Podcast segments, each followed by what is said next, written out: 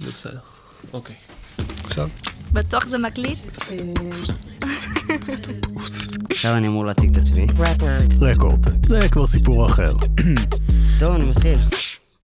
היי, אני איריס אלתר ליברמן. אתם ואתן על רקורד. סיפורים ישראלים, לעיתים מורכבים, ישירות מאנשים שחוו אותם. בואו נתחיל.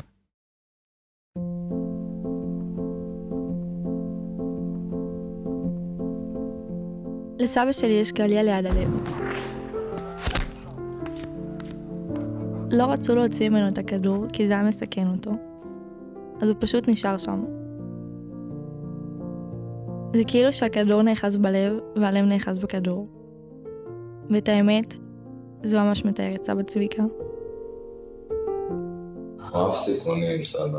זה אבא שלי, הבן שלו. נשאר לו בדם הלוחם הזה מהצבא, המורלות הזאת של הצבא, ההישרדות של החיים גם ש... שלו. אז תמיד היה לו רצון גם להוכיח שהוא יכול לעשות הכל. מאז שאני מכירה את סבא שלי, הוא נכה צה"ל, וזה חלק גדול מהחיים שלו, ושלנו. אבל הוא עוד הרבה דברים אחרים. אני זוכר אותו שהוא היה אבא שובר בעיקר. שובר, אוהב לעשות צחוקים ושטויות. היה מלמד אותי לשחק שש זה עידן, אח שלי. הוא גדול ממני בחמש שנים. בחוף הסלע בת ים, סבא צביקה, הטיילת. מרתיקים שעשינו, שאנחנו באים קונרתיק ואז גם בחזור קונרתיק. כן, גומי גם, גומי גם קבוע. אבל תמיד זה היה לפנק, בצחוקים, ותמיד גם לבקש ממנו. אבל סבא לא היה יכול להילחם לתמיד בקליע הזה ליד הלב. היי, אני מיקה, והסיפור שלי הוא כנראה גם איכשהו הסיפור שלכם. איך מתמודדים עם העצב כשאדם קרוב שכל כך אוהבים נפטר? איך נפרדים? איך ממלאים את החור שנפער? אני לא יודעת אם לכם יש את התשובות לשאלות האלה, אבל אני עוד מנסה להבין. אני יוצאת למסע שהוא לא רק שלי, אלא גם של המשפחה שלי, ואולי גם שלכם. אתם תשמעו את אבא שלי, את אחי, ואותי מדברים על דברים שאף פעם לא דיברנו עליהם. וזה מתחיל ונגמר בסבא צביקה.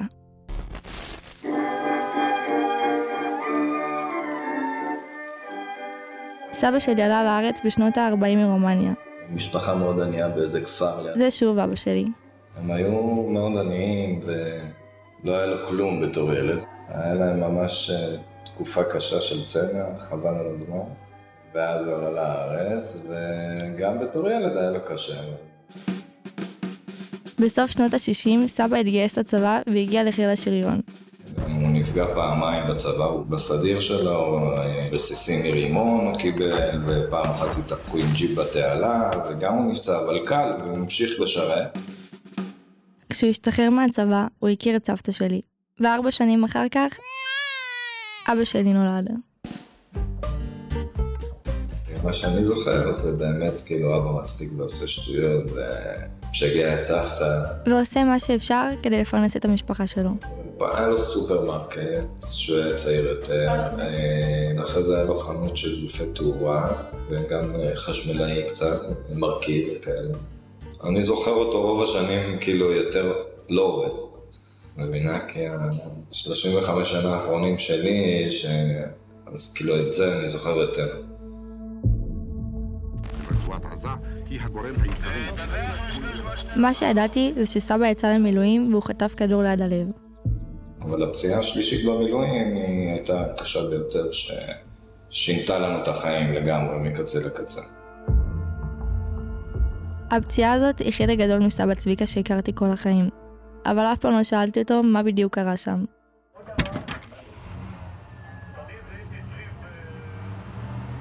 הוא יצא למילואים בגיל 40 שלו, ואני הייתי אז בן 15 וחצי. בנסיעה בעזה, אבא היה ליד הנהג. ורכב מאחורה הידב להם וצפר להם, ואסור לעצור. הנהג קצת האט, ובזמן שהוא האט הם עקפו אותו. והם ריססו את האוטו בכדורים. הנהג קיבל שש כדורים, אבל רק שריטות יחסית. וסבא נפצע מקליע אחד. הוא היה במצב של בין חיים למוות, הטיסו אותו מעזה במסוק לבאר שבע, לסורוקה. ושם הוא היה מאושפז גם אה, בתקופה ארוכה בתרדמת, מורדם מונשם. לא ידענו בכלל אם הוא יחיה או ימות. ואתה היית בא אליו כל פעם לבקר? היינו, כן, משרד הביטחון דאג לנו למונית כל יום אה, מראשון לבאר שבע, ומחכה לנו, מחזיר אותנו, נהג צמוד אלינו כל יום? כל יום, וגם אה, היה תקופה שישנו בבית החייל בבאר שבע. הייתי, אז כאילו הייתי פספסת בית מלווה. ספר וזה? ברור, ברור. ברור, פספסתי הרבה דברים, את כל הילדות שלי בגיל 15 וחצי, פתאום הייתי כאילו האבא של המשפחה, ועזרתי לסבתא. הייתי איתה צמוד כל יום בבית חולים, כל היום, כל הזמן.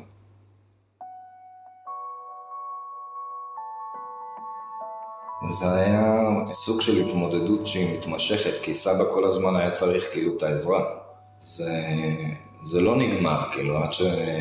כל עוד שסבא היה חי, אז הוא היה נכה צה"ל 100%. לא היה זמן אפילו לעכל את זה, כי כל הזמן, כל השנים אתה רק בזה, וכאילו, אחרי כמה שנים כזה, כמובן, אתה מפנים ומבין דברים. אבל באותו זמן אתה, אתה נלחם כדי שהכל יעבוד כמו שצריך. שהבית יחזור לתפקד והכל. רק שנה אחרי הפציעה הוא הגיע הביתה. ואז בגיל 18 הלכתי לצבא, לא יכולתי ל- ללכת לקרבי, למרות שמאוד רציתי. ועידן סגר לי את המעגל הזה של הקרבי. גם לסבא, סבא מאושר. סבא השפיע עליי, על הבחירה שלי לערב בצבא, אם הוא רואה אותי עם מדים, אם הוא רואה אותי עם נשק, זה היה גאווה עצומה. הוא כל כך אהב את זה שהייתי חייל, ציוני ממש. כל, אה, כל סופה שהיינו באים, שישי ארוחת ערב, חג שישי, בורג העידן, 200 שקל בכיס, קבוע. למה אני לא? למה אני לא? אתה מבין, אמרתי, לוחמת, תגדלי, תהיי בצבא, תקבלי 200 שקל. ככה, באמת, שנתיים, שמונה, אולי לא הייתה פעם אחת שבאתי אליהם ולא קיבלתי שטר של 200 שקל בכיס, באמת. מאז שאני זוכרת את עצמי, אני זוכרת את סבא. הוא תמיד היה שם. אני זוכרת את התרופות, וגם היה לו כזה מזרק ארוך שהוא אמר אוהב שמיניות כדי להצחיק אותי. הקשר שהלך עם סבא, כמו אבא וילדה קטנה, מאוד אהב אותך, גם אתה היית הנכדה היחידה. את הנכדה היחידה. אני חושב שכמו התינוק הפרטי שלו.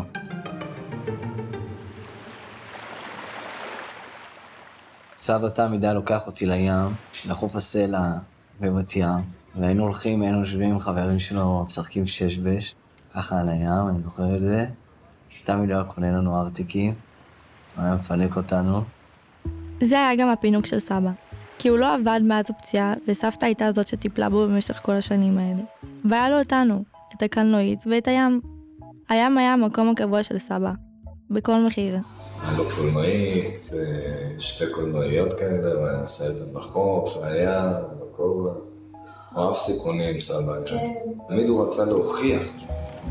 הוא נסע להם עם הקולנועית, ויש ירידה כזאת מאוד תלולה, ואחרי שהוא היה כמה שעות שם, אז הוא רצה לעלות, ועלייה מאוד תלולה וחול, אז הוא התהפך עם הקולנועית אחורה, ושבר אז את אה, מפרק הירך. ועם כל זה, הוא לא נכנע לכיסא גלגלים, הוא עדיין היה הולך כן, בבית. הוא המשיך אחרי זה לנסוע עוד הפעם עם הקולנועית, כן. כאילו, אפילו שזה הוא לא קרה לו, מוותר. הוא המשיך לנסוע עם הקולנועית, והוא אמר, מה זה, נסיעה קצרה, דיין, שר לו תמיד הקטע הלוחמני הזה.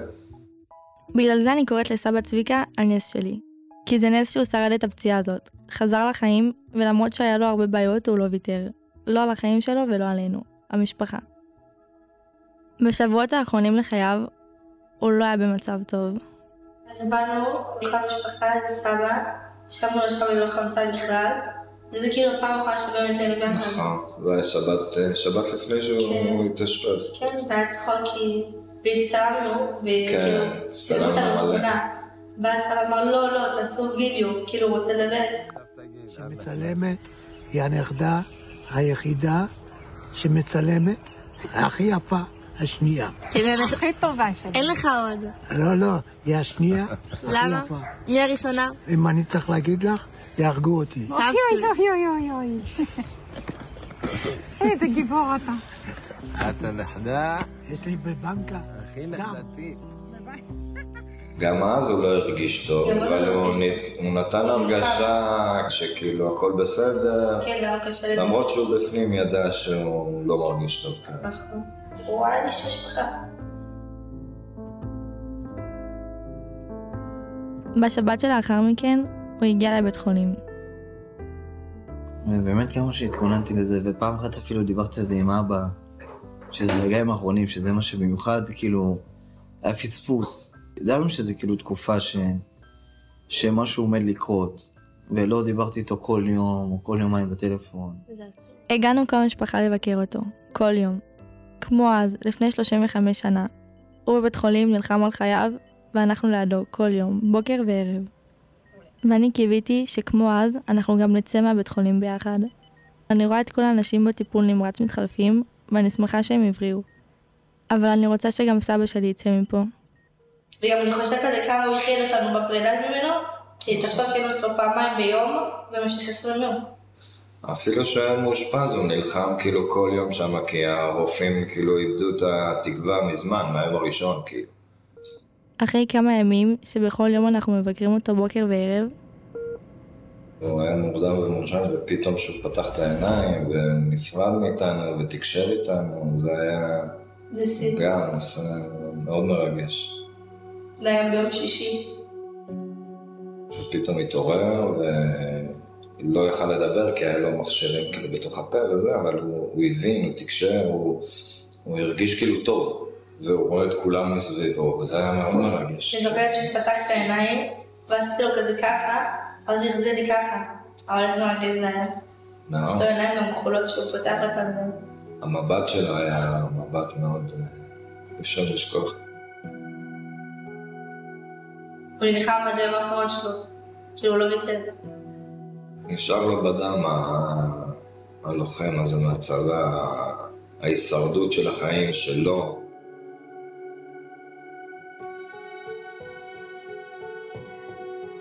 ואז היום הזה הגיע. אני זוכרת שיצאתי החוצה וניסיתי לנשום אוויר ולא הצלחתי. ואז אבא שלי התקשר אליי ואמר לי שאני יכולה לבוא לראות אותו ולהיפרד. עוד בשיחה, שאבא התקשר אליי, בפעם הראשונה להודיע לי את זה, ידעתי.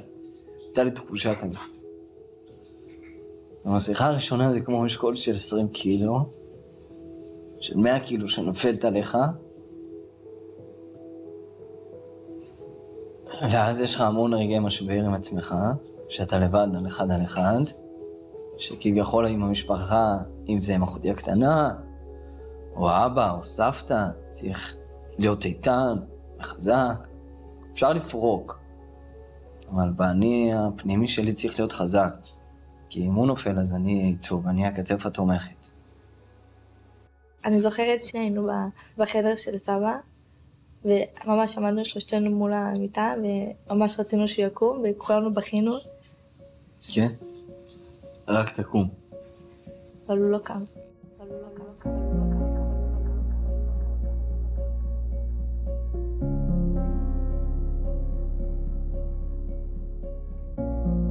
ומהרגע שסבא נפרד מאיתנו, הקורונה הפרידה בינינו, ולא יכולנו לעבור את זה ביחד. אחרי האובדן, ההתמודדות שלי אישית נהייתה סוג של... אה, סוג של הכחשה.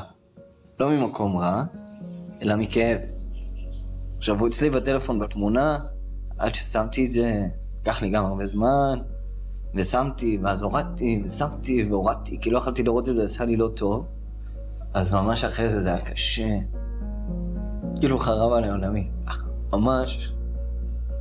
גם זה משפחה, מישהו ראשון במשפחה שנפטר, מישהו שאני מאוד קרוב אליו, מאוד אישי, מאוד מאוד אוהב, מחובר, אז ממש אחרי זה זה היה קשה.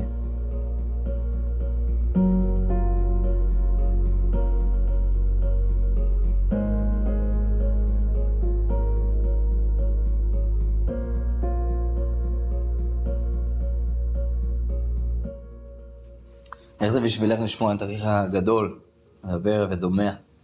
כשאתה ככה מדבר, ושאני מבינה באיזה תקופה היית, אז אה, זה מרגש, זה... לא ידעתי שאתה ככה. כי אתה אספת את כולנו. גם כשאני בבית חולים אתה החזקת את כולנו. אני גם זוכרת שאתה היית אומר לי שהחיים חזקים איתנו ושאין מה לעשות. אז יומיים אחרי זה בשבעה, פתאום כולנו היינו חולים, כן. כאילו הגוף נחלש גם כתוצאה מה... מזה שהוא נפטר, אז נחלשנו ואז קיבלנו את המחלה, אני קיבלתי אותה בכל אופן מאוד קשה, אחרים גם, ממש נהיינו חולים, כל אחד היה עם עצמו לבד בבית ועם המחשבות ועם ה... לדבר רק עם עצמו על זה, לא ביחד. כי בטלפון זה גם לא אותו דבר. אז לא היה לנו את האבל המשפחתי הזה כמו שצריך. כל אחד לקח את זה מאוד אישי, ו... ולא הוצאנו את זה החוצה, לא דיברנו בינינו על זה, על הדברים האלה. אף פעם, למרות שיש המון מה להגיד, את יודעת, בקטע המשפחתי. הרגשתי מוצפת. חוויתי כל מיני רגשות ותחושות בפעם הראשונה. אולי קוראים לזה דיכאון או התקפי חרדה, אני לא בטוחה.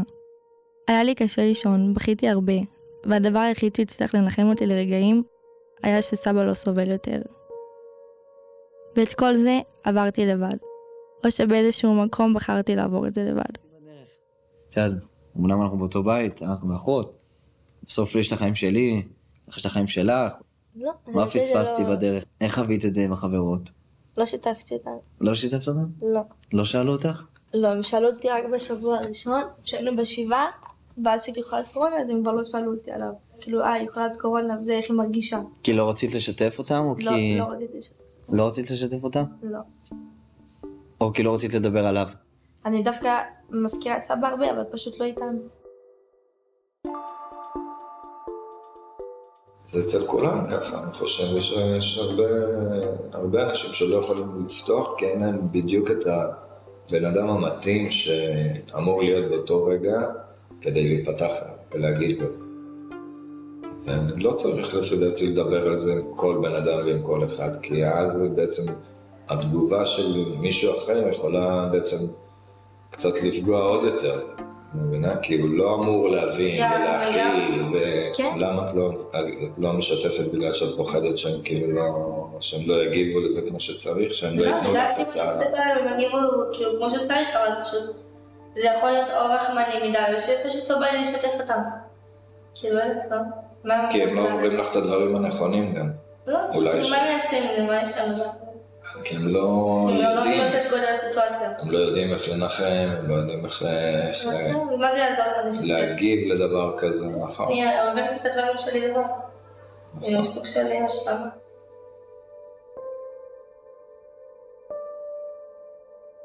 אז למי...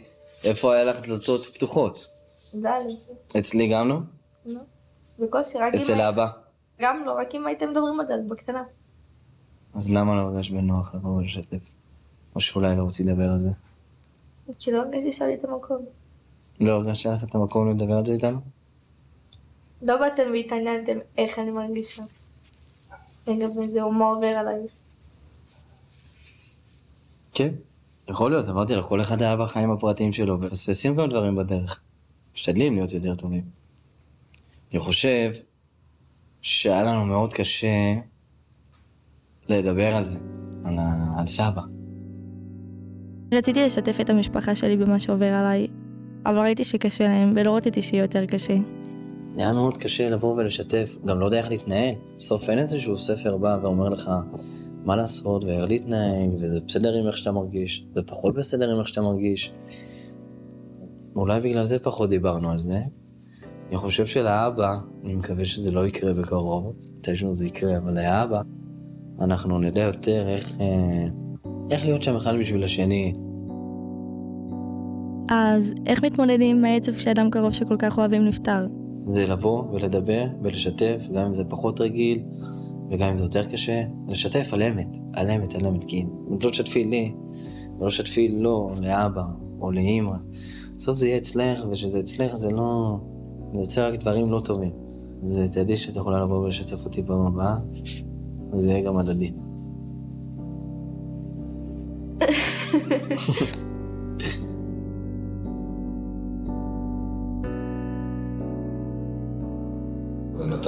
זה נתן לך משמעות להבין קצת את החיים יותר, ל- קצת אה, לשמור יותר על החיים, כן, נתן ערך לחיים. ערך לחיים, נכון.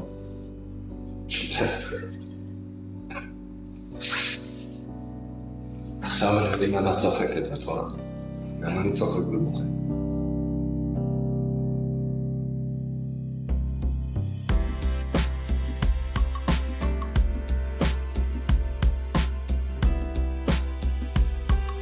האזנתם והאזנתן לרקורד. את הסיפור שלי ליוותה מור אלקובי. עורכת דניאל מאורר. בצוות אדווה קורנבלאו, גל טאובר וליאת ליפרו. תודה ענקית ומיוחדת לטל וילצ'יק. עיצוב סאונד מור סיוון. מוזיקה מקורית עמיתי שילר, נטע רם ואבי ינקובסקי. הפרק הופק בשיתוף הרשת האתגרית מכון ברנקו וייס והוקלט באדיבות אולפן הפודקאסט של בית אריאלה. תודה גדולה לכוורת, המרכז ליזמות וחדשנות חברתית של ישראל. מייסודם של ג'וינט ישראל וקרנות הביטוח הלאומי.